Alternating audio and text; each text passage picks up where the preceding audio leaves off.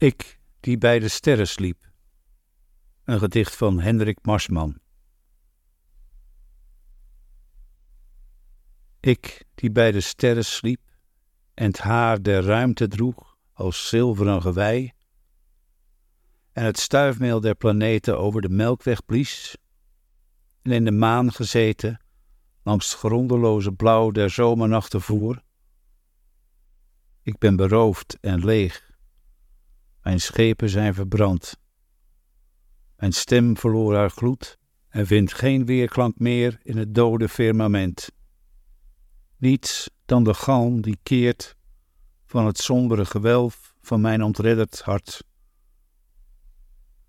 Ik sta alleen, geen God of maatschappij die mijn bestaan betrekt in een bezield verband.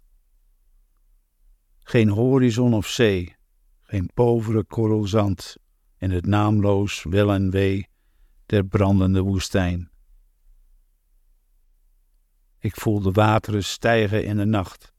De angst rijst naar de mond en aan mijn lippen staan vermoeienis en walg. Ik heb mijn merg verdaan in slaafse horigheid aan het roofzuchtig bloed. Niets rest mij dan mijn val.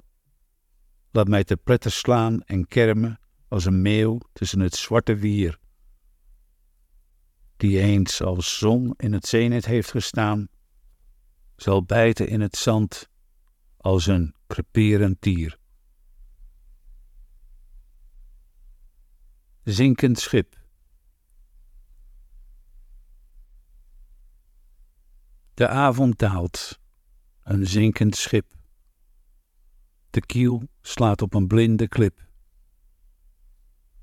O hartstocht van dit kil vergaan, in koele nacht, in koele maan.